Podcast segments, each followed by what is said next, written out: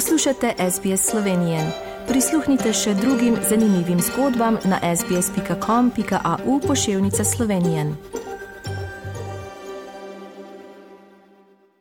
Pozdravljeni, spoštovani rojaki in spoštovane rojakinje v Avstraliji. V Sloveniji se prebuja pomlad, prijetne temperature in sončni žarki vabijo slovence na prosto, v naravo, parke in na terase kavarn. Kljub temu pa nekateri pri nas še vedno močno čutijo finančno breme povišanih cen ogrevanja. Predvsem na Koroškem so neprofitne organizacije, mali podjetniki in javne ustanove dobili visoke račune za daljinsko ogrevanje. Letos plačujejo na mesto 56 evrov kar 223 evrov na megavatno uro. Mnogi se bojijo, da bodo ob takšnih stroških prisiljeni zapirati podjetja. In to enkratni dvig za 400 odstotkov in enostavno plačati take račune je nemogoče. V roku dveh mesecev smo dovolj take položnice, ko smo lani celo sezono v bistvu plačali petrol. Me pa skrbi, ker petrol, petrol eh, nima posluha za nas, no oni se sklicujejo na cenik. Številne v Sloveniji pa je ta teden vznemirila napovedana reorganizacija upravnih enot. Pojavile so se informacije, da bo po novem na mesto 58 le še 12 upravnih enot. Pristojna ministrica za javno upravo Sanja Ajanovič-Hovnik pa miri, upravnih enot ne bomo ukinjali, dostopnost storitev se ne bo zmanjšala. Delo, ki poteka strankami na okencih, ostaja v enakem obsegu, še zatrjuje.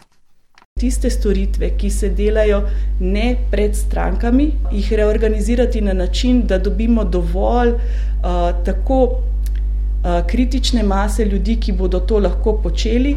In znanja, in vsega na, na enem mestu. Koliko teh zalednih centrov bomo imeli in kakšni bodo ti zaledni centri, je danes mnogo, mnogo preuranjeno o tem govoriti. Delovna inšpekcija je v četrtek razkrila osupljive ugotovitve inšpekcijskega nadzora nad podjetji, ki so najemala tuje delavce pri dveh slovaških agencijah.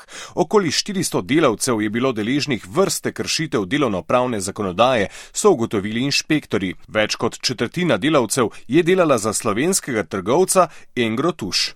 V skupnem nadzoru, ki smo ga upravili s Fursom, smo ugotovili, ne, da v tuš ti delavci delajo res ekscesno ekscesne ure v mesecih. Smo v obdobju svetovne vodne krize. Slovenci smo še posebej občutljivi na to temo. Pravico do pitne vode smo zapisali celo v ustavo. V New Yorku pa so pretekli teden Združeni narodi pripravili drugo konferenco o vodi. Zbrane je nagovorila tudi slovenska predsednica Nataša Pirc-Musar, ki pa skupaj z unanjo ministrico Tanjo Fajon ob robu dogodka intenzivno lobira tudi za podporo Sloveniji za nestalno članstvo v varnostnem svetu OZN. dogodki, kot je konferenca o vodi, so priložnost za učinkovito predstavitev kandidature. Najprej izjava predsednice republike in na to še slovenske zunanje ministrice. Obe menita, da imamo za članstvo dobre možnosti.